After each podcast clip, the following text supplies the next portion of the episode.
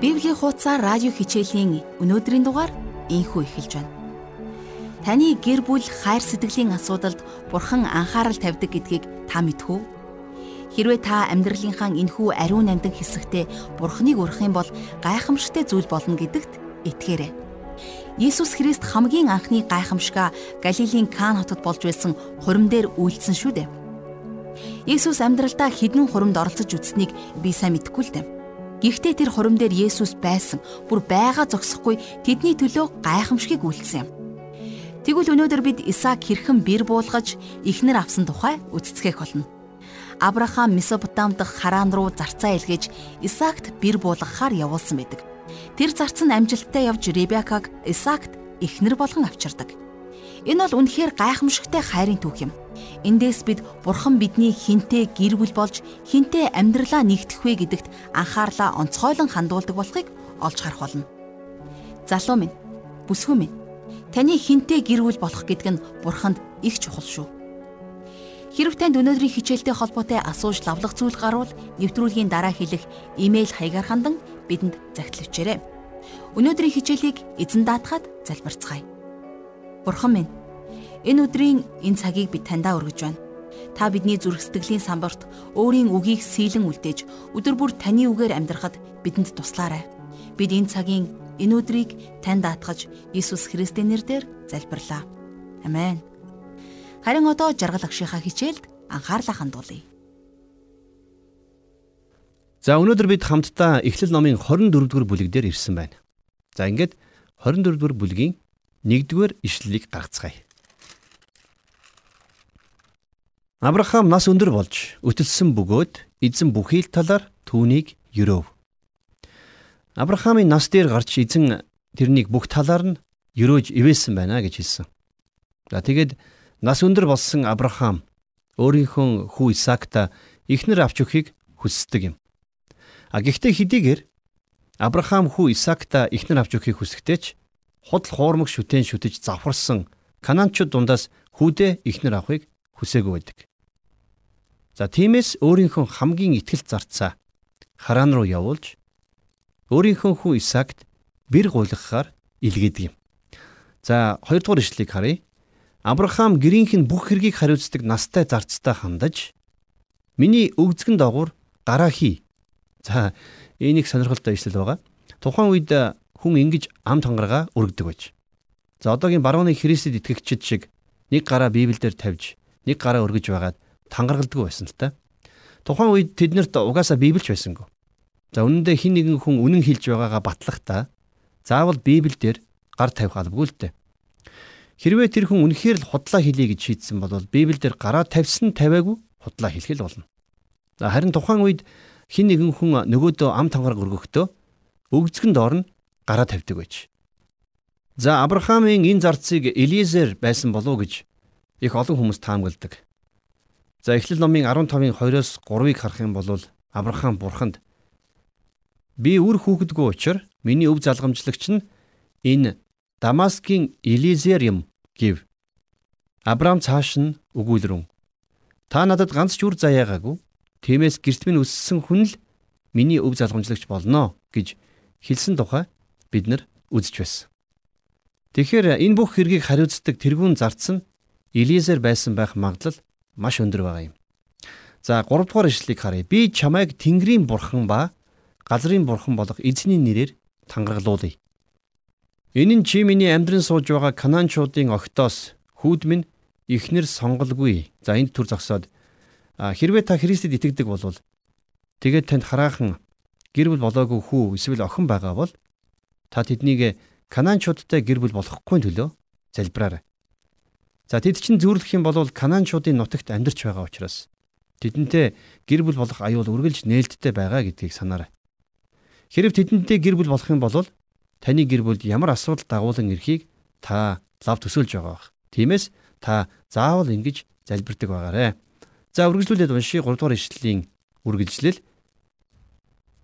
Харин миний нутагт Төрөл төрөсөдөд минь очиж хүү Исаакт минь ихнэр авч өхийн тулд юмаа гэв. Зарц нь хэрвээ тэр бүсгүй намайг дагаж энэ нутагт ирэхийг хүсэхгүй бол яах вэ? Тэгвэл таны гарч явсан нутагт хүүгч нь буцааж аваачих уу гэж асуужээ. Авраам түүнд чи миний хүүг тэнд буцааж аваач уу зай гэж хэлсэн байна. За зарц нь Авраамаас хэрвээ би нааша дагаж ирэх охин олохгүй бол яах вэ? Хүүг чинь тийш нь дагуулад явах юм уу гэж асуусан байна. Харин хариуд нь Авраам Исаакийг хизээч буцааж аваачиж болохгүй гэж хатуу сануулсан байна. За энэ газар бол Бурханаас бидэнд амласан нутаг. Хуучин нутагта хизээч юу ч болж байсан буцаж болохгүй гэж Авраам хатуу сануулсан. За энэ бол санаж явахад нилээд чухал анхаарал байгаа юм. За 7 дугаар ишлэгийг харъя. Намайг эцгийн минь гэрээс төрсөн нутгаас минь салгаж ирүүлэн Би энэ газар нутгийг чиний өр хүүхдүүдэд өгнө гэж надад тангаргалан хэлсэн. Тэнгэрийн бурхан эзэн өөрийнхөө тэнгэр элчийг чиний өмнө илгэнэ. Тэгэд чи тэндээс миний хүүд эхнэр сонгох болно гэсэн байна. За тэгэхээр Авраам бол үнэхээр үнэхээр итгэлийн баатар байсан. Үүнийг дахин дахин баталдаг байсан. Энд ч бас Авраам агуу их итгэлийг харуулсан байна.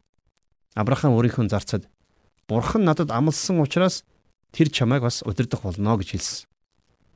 Авраам энд зүгээр л мухар сүсгээр итгээгүй.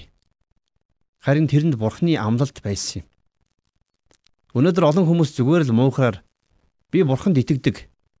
Энэ зүйл сайнаар дуусах болно гэж хэлдэг. За болно болно сайн байна. Гэхдээ танд үнэхээр бурхны амлалт Библиэлд бичигдсэн бурхны үг байгаа юу? Авраам бурхнаас үргэлж бичгэн баталгаа шаарддаг байсан. Тиймдэж бурхан Авраамтай гэрээ байгуулсан юм. Авраам энд бурхан миний үр Исаакаар дамжуулан энэ дэлхийг өрөөнө гэсэн. Тиймээс чи итгэлтэй байж болно. Бурхан Исаакт хамгийн сайн эхнэрийг бэлдсэн байгаа гэж зарцтай хэлж байна. За энд Авраам муухраар итгээгүй. Харин Бурхны амлалт Бурхны үгэнд түшиглэж байсныг бид харж байна. Тэгэхээр бид нар ч гэсэн маш ухаалаг байх хэрэгтэй. Итгэлтэй байна гэдэг бол муухар. А эсвэл бодлогогүй байхын нэр биш. Мухар сүсгээр итгэхийг итгэл гэдэггүй. Харин итгэлийн цаана үргэлж бурхны амлалт үг байдаг юм. Бид нар бурханд за бас тэрний амлалтанд итгэх ёстой. Итгэл гэдэг бол ирээдүгээр дэнчин тавиад азаа үзхийн нэр биш. Харин итгэл бол найдвартай байдлын бодит байдал юм. Итгэл гэдэг бол бодит зүйл. Тэгэхээр Авраам энд маш итгэлтэй тэрээр ердөөсөө ч эргэлзээг байсан. За 8 дугаар ишлэлийг үргэлжлүүлэн харъя. Хэрв тэр бүсгүй чамайг дагаж ирэхийг хүсэхгүй болвол чи миний энэ тангарагаас чөлөөлөгдөх болно. Зөвхөн хүүг минь битгий тийш нь аваачаарай гэв. Энд Авраам дахиад дахин давтан хэлсэн байна. Хүүг минь битгий тийшээ аваачаарай гэж. Хэрвээ тэр бүсгүй чамайг дагаж ирэхгүй болвол чи тангарагаас чөлөөлөгдөх болно гэж хэлсэн. Энэ ямар учиртай үг байсан бэ? Хэрв тийм юм болвол бурханд арай өөр төлөвлөгөө байна гэсэн. Тэр нь юу гэдгийг би мэдэхгүй ч аль нь ч байлаа гэсэн бурхан миний хүүг бурханлаг биш эмэгтэйтэй гэр бүл болохыг нь хүсэхгүй нь лавтай гэж Авраам зарцтай тайлбарж байна гэсэн үг байна. За найз минь энэ бол үнэхээр итгэл юм. Итгэл гэдэг нь Бурхны үгийн дагуу үйлдэхийн нэр. Итгэл нь ямар нэгэн зүйлд түшгэлхийг хэлдэг. Бид Бурханд зүгээр нэг итгэх биш, харин Бурхны үгэнд итгэх ёстой юм. Бид нар итгэсэн учраас Бурхан үйлддэг юм биш. Харин бид итгэснээрээ Бурхныг ямар нэгэн зүйлийг хийхэд хүчээр тулгаж чадахгүй. Харин миний хүсэл биш, Бурхны хүсэл биелэлээ олоосой гэж хүсэх нь итгэл юм. Бид нар Бурхны өмнө гуйл залбирлаа авчирдагч хэрхэн яаж хариулахыг шийддэг цорын ганц нэгэн бол Бурхан өөрөө. Тэгэхээр Авраамд бол итгэлээ тавих түших зүйл байсан. Түүнд Бурхны амлалт байсан. За тэрнээс биш Авраам итгэсэн гэдгээрээ далайлгаж Бурхныг ямар нэгэн зүйлийг хүчээр хийлгэх гэж оролдоогүй. Тэр үнэндээ Бурханаас юу ч шаардаагүй. Зүгээр л Хэрв энэ арга болохгүй бол бурханд өөр нэг арга зам байж л тараа гэж даруухнаар хэлсэн байна. За 9 дэх ишлэгийг харах юм бол Тэгээд зарц өөрийн эзэн Авраамийн үзгэнд ор гараад тавьж энэ тухай түүнд тангаргалав. Ингээд тэр зарц Исаакт ихнэр хайж бэр гуухаар аян замд гарсан байна. За 10 дугаар ишлэгийг харах юм бол тэгээд эзнийхээ тимээнээс 10-ыг эзнийхээ янз бүрийн үнэт идлэлээс аваад Месопотам тийш хөдөлж Нахор хотод иржээ. За тэр зарц 10 тимээ. За тэгээд дээр нь маш их үнэт идэл аваад за нилээд их эд агуурстайгаар замд гарсан. Тэгэхээр мэдээж хар ухаанаар бодох юм бол нилээд олон зарц нар дагуулж явсан байж таарна. За 11 дугаар ишлэгийг харвал үдшийн үеэр буюу эмэгтэйчүүдийн ус авахаар ирдэг үеэр тэрээр хотын гаднах худгийн дэргэд тимээгээ хөвтүүлв. За энд эмэгтэйчүүд худгаас ус авдаг байсан гэхээр сонь сонсогдож магадгүй. За тухайн үеийн заншил ёсоор бол эмэгтэйчүүд усандаа явж тимээ малаа усалдаг байсан. Тухайн үед эмэгтэйчүүд одоогийнхоос хавьгүй илүү их хар бор ажил хийдэг байж. Харин одоо бол эмэгтэйчүүдийн эрхийг хамгаалах асуудал хурцаар тавигддаг болсон цаг шүү дээ. За тэгээд цаашлах юм бол Авраамийн зарц худгийн дэргэд хүлээгээд сууж байсан.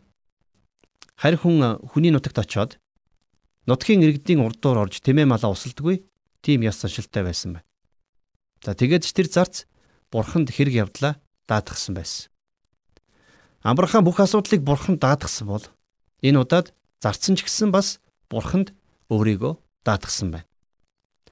За 12-оос 14 дугаар ишлэлдэр мань зарцын залбирал гарч байгаа. За тэрээр ингэж залбирсан байна. Тэр залбирч Миний эзэн Авраамийн бурхан эзэн та өнөөдөр намайг тэр бүсгүйтэй уулзуулж миний эзэн Авраамд хайр инрэл үзүүлнэ. Хотынхны огтыг ус авахар гарч ирэхэд би худгийн дэргэд зогсож байгаад нэгэн охинд чи вара тонгоолгож уснасаа надад уулгано уу гэхэд тэр бүсгүй оо би бас таны тэмээгч усалж өгье гэж хэлбэл тэр нь таны зарц Исаакт танаас заяасан хүн мөн болно. Түүгээр та миний эзэнд хайр инэрл үзүүлсэнийг би мэднэ гэв. За ингэж залбирсан байна. Бурхан минь энэ хотын октоудаас би хэнийг нь сонгохоо мэдэхгүй байна. Таны сонгосон тэр хүнийг би сонгохын төлөө залбирч байна гэж зарц гуйсан. За өөрөөр хэлэх юм бол зөв сонголт хийхэд Бурхан өөрийг нь удирдаасаа гэж залбирсан байна. За Авраамийн зарц ямар хүнийг сонгох вэ? Мэдээж эрэгтэй хүн учраас царайлаг сайхан эмэгтэйг л сонгож таарах байх. За ямар тач Ребека үзэгсэлэнтэй сайхан охин байсан. За зарим итгэгчид гоо үзэгслэн болвол чөтгөрийн их гэж хэлдэг. Тийм ээ нэг талаас сатан үзэгсэлэнтэй тэнгэр илж байсан нь үнэн. А гэхдээ гоо үзэгслэн сатанд хамаатай гэж бид нар эндүрч болохгүй. Бүтээгч бурхан өөрөө гоо сайхныг бүтээдэг. Нар жаргах цэцэг дэлгэрхийн сайхныг бурхан бүтээсэн.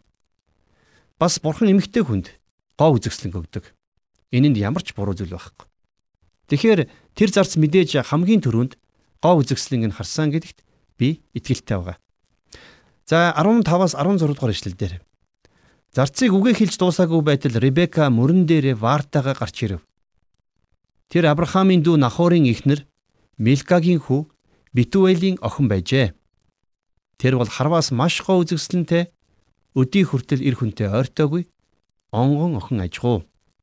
Тэр бүсгүй худаг руу очиж Вара усаар дүүргээд дээш гарч ирэв. За Ребекаг үнэхээр үзэгсэлэнтэй охин байсан гэдгийг энд онцлсан байна. Бурхны үгэнд хэлэхдээ түүнийг гоо үзэгслэн охин байсан гэсэн. Тэгээ үзэгслэнтэй сайхан байх нь ерөөсөө асуудал биш. За өнөөдөр заримдаа итгэгч бид нар үзэгслэнтэй л бол явдалтай. За үзэгслэнтэй сайхан л бол ноотой гэж ойлгох гээд байдаг. За бурхамлаг бүсгүйчүүд ч гэсэн бас үзэгслэнтэй сайхан байж болно шүү дээ. Учир нь яагаад гэвэл бурхан өөрөө гоо үзэгслэн гэдгийг бүтээсэн юм шүү дээ. Бурханд үйлчлэгчид бид ч гэсэн бас цэвэрхэн, аятайхан Царайлаг сайхан байхад ерөөсөө гайх зүйл байхгүй. Харин ч ийм байгаасай гэж би хүсдэг. За, зарц түүнтэй уулзахаар гүйж очоод чи надад варта уснасаа жаахан уулгано гэсэнд тэр бүсгүй эзэн минь уу гэд вара яран гар дээрээ буулгаж уулгав. Тэр бүсгүй түүнд ус уулгаж дуусаад би бас ус утгаж таны тэмээнүүдийг ч хандлан нь усалъя гэж хэлвэ гэсэн байна. За бид нар өнөөдөр Эхлэл номын 24 дугаар бүлгийг үзэж байгаа. За 24-ийн 17-оос 19 дэх хүрээлэлдэр Ребека ингэж хэлсэн байна. За эндээс харах юм бол Ребека маш ийдэг сайхан ааштай охин байж. Царайлаг сайхан дээрээ ийдэг тус охин байсан. За 20 дугаар ишлэлдэр тэрээр Варта улсаа онгоцонд яаран юулээд дахин ус авахаар худаг руу гүйж бүх тэмээнд өгөхөөр ус утхан авав. За та санаж байгаа бах. Зарцад 10 тэмээ байсан. Олон хоног ус уугаагүй тэмээнүүдийг услахад хэр их ус шаардлагатайг та төсөөлж байгаах. За ямар тач тэр охин бүгдийг нь услаад өгье гэж хэлээд ус татаж эхэлсэн байна. За 21 дугаар ишлэлдэр нөгөө хүн түүнийг дуугүй ширтэн эзэн түүний аянг ивэсэн эсхийг мэдэх гэж байлаа. За эндээс харах юм бол өнөө зарц гайхаж хоцорсон байна. Бурхан үнэхээр ажиллаа хийж байгаа нь энэ гэж үдэ гэж эргэлзэж зогссон баг. За цааш нь унши 22-оос 24 дугаар ишлэл. Тэмээнүүдээ усууж дууссаны дараа тэр хүн хагас шеклийн жинтэй алтан эмиг 10 шеклийн жинтэй хос алтан бугуйчийг түүнд өгöd. Чи хэний охин бэ? Надад хэлээч. Эцгийн чинь гэрт бидэнд хоноглох өрөө бий юу гэж хэлсэн тэрээр би бол Милкагийн нахор төрүүлж өгсөн хүү Битвэлийн охин гээд. За энэ нахур бол өнөө Авраамийн дүү нахур. Тэгэхээр Ребека нахурын ач охин байсан гэсэн үг. За 25-аас 26 дугаар ишлэлдэр Манайд сүрэл өвс тижэл арвин бий мөн хоноглох өрөөч бий гэв. Тэгээд тэр хүн бүхийн эзэнд мөргөж. Ингээд тэр зарц энэ үйл явдал бурхны мотор оролцжээ гэдгийг ойлгосон байгаа. Бурхнаар өдөрдүүлж бурхнаар жолоодуулна гэдэг гайхамшигтай. 27 дугаар ишлэгийг харъя. Авраам эзнийхэн бурхан эзнийг магтъя. Миний эзний төлөө та хайр инрэл үнэн зөвөө орхисонгүй. Замд эзэн намайг удирдах миний эзний дүүгийн герт ирүүлсэн байна гэв. За энд Авраамийн зарц нэгэн гайхамшигтай үгийг хэлсэн байна. Эзэн намайг удирджээ гэж. Бурхан өөрөөр нь удирдуулахыг хүсэж байгаа тэр нэгнийг дуртаяа удирддаг. Бурханы хүслийн дагуу үйлдэхэд бэлэн байгаа нэгнийг Бурхан дуртаяа хөтлөн дагуулдаг. Бурхны өмнө дуулууртай бэлэн зөрөсдөглийг Бурхан хизээ ямагт удирдан дагуулгахдаа дуртай байдаг. 28-аас 29 дугаар ишлэлдэр Тэр охин ээжийнхэн герт гүйж хүрээд энэ тухай хэлжээ. Ребекад Лабан гэдэг ах байжээ. Тэр ах нь худаг дээр байсан нөгөө хүн рүү яаран гүйж очив. За эндээс эхлээд Ребекагийн ах Лабаны тухай гарч ирж байна. Лабан бол эд материалын сонирхолтой хүн байсан. За тэгээд биелэгжүү харийн хүнийг хараад холоос гүн атсан. За тэгэд юу болсныг хамтдаа харцгаая. Тэрээр охин дүүгийнхэн гарт байгаа бугуйвч чихэнд байгаа эмгийг хараад бас тэр хүн надад ингэж хэллээ гэсэн үгийг Ребекагаас сонсоод нөгөө хүн рүү очтол тэрээр худгийн дэргэд тэмээнийхэн хажууд зогсож байжээ. За тэгэхээр Авраамийн зарц худаг дээр өөрийн дагуулж Ребекагийн гэрлүү явах замдаа хүн эрхийг хүлээж байсан. Харин Ребекагийн ах Лабан ирээд дүүд нь өгсөн бугуйвч эмгийг хараад л Авраамийн зарцыг маш их баян хүн байна гэд шууд мэдсэн байна. За Лабан бол ийм боломжийг алдах хүн биш байсан. За хэрэг та итгэхгүй бол дараа нь Яаковаас асуугаарай. Ингээд Лабан тэр эрхэм зочныг дагуулад гэрлүүгөө явсан. За 31 дүгээр ишлэлээс харах юм бол Лабан Бурхны өрөөлийг хүрдсэн хүн та манад ороорой. Бид өрөө Бас тэмээнд чинь байр бэлтгэгчсэн байхад та яагаад гадаа зогсоод байна вэ гэсэнд. За эндээс харах юм бол Лабан хүртэл бүтээгч бурхан байдаг гэдгийг мэддэг хүн байсан байна. За нөгөө хүн байшинд орж Лабан тэмээнүүдийнх нь ачааг буулгаж сөрл өвс тижэл авчирч өгөөд түүнд бас түүнтэй хамт ирсэн ирчүүдэд хөл угаах ус авчирч өгчээ. За энд дахиад л өнөөх угаах зан үйл гарч ирж байна. За Авраамийн зарц болон түүнтэй хамт явж байсан ирчүүд бүгдээрээ хөлөө угаалгасан. Лабанч тэднийг инхүү зачламтгайгоор хүлээж авсан байна. За тэгэхээр бид нар эндээс Христ болон чуулганы талаар гайхамшигтай дүрслэлийг олж харж чадна. За шинэ гэрэн дээр чуулган бол Христийн бэр юм а гэж бичсэн байдаг юм. Чуулганыг бурхан мөн ингэж өөртөө авсан байдаг. Тэгэхээр Авраам зарцаа илгээсэн шиг Бурхан ариун сүнсээ дэлхий рүү илгээсэн. Авраамийн зарц өөр нэгний талаар ярих гэж очисон шиг ариун сүнс ч гэсэн мөн Христийн тухай ярьдаг. Авраамийн зарц бэрд маш их үнэт бэлэг өгсөн шиг ариун сүнс бас чуулганд бэлгүүдийг өгч Христийн зүйлсийг таниулдаг. За тэгээд эцэст нь тэр зарц Исаакт эхнэрийг нь дагуулan очисончлон Бурхны сүнс энэ дэлхийгээс Христийн бэр болох чуулганыг дагуулan одох болно. За энэ бол үнэхээр гой зураглал. Тэгээд бас үнэхээр гайхамшигтай сайхан түүх байлаа.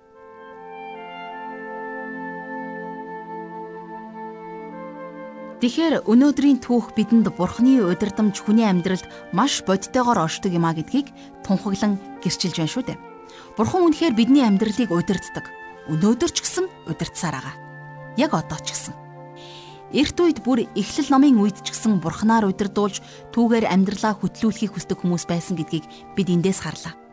Хэрэг Бурхан эрт дээр үед тэдгээр хүмүүсийн амьдралыг удирдан жолооддаг байсан юм бол Өнөөдөр ч гэсэн та бидний амьдралыг өөрийн сайн тааллынхаа дагуу удирдах, жолоодож чадна. Харин та бид өнөөдөр итгэлийн амьдралаа бурхнаар удирдуулахыг хүсэж гэнэ үгүй юу гэдг нь л асуудал. Бид бурхнаар амьдралаа удирдуулахад бэлэн байдгүй. Хэрэг бид өөрсдөө биш, харин бурхан бидний амьдралыг өөрийнхөө хүслээр удирдах юм бол бидний амьдрал тэр чигээрээ өөрчлөгдөх болно. Хэрв та энэхүү өөрчлөлтийг амьдралдаа үзхийг хүсэж байгаа бол яг одоо хамтдаа Бурханд хандаж залбирцгаая. Бурхан минь, бид өөрсдийнхөө амьдралыг танд өргөж байна. Бид өөрсдийнхөө амьдралын жолоог танд шилжүүлэн өгж байна. Та биднийг өөрийнхөө хүслийн дагуу удирдан дагуулаарай. Бидний сул дорой амьдралыг та өөрийнхөө сүр жавхлан алдраар өөрчлөн шинчилж өгөөрэй. Бид танд ирэх өдрүүдээ амь амьдралаа даатгаж Есүс Христийн нэрээр залбирлаа. Амен.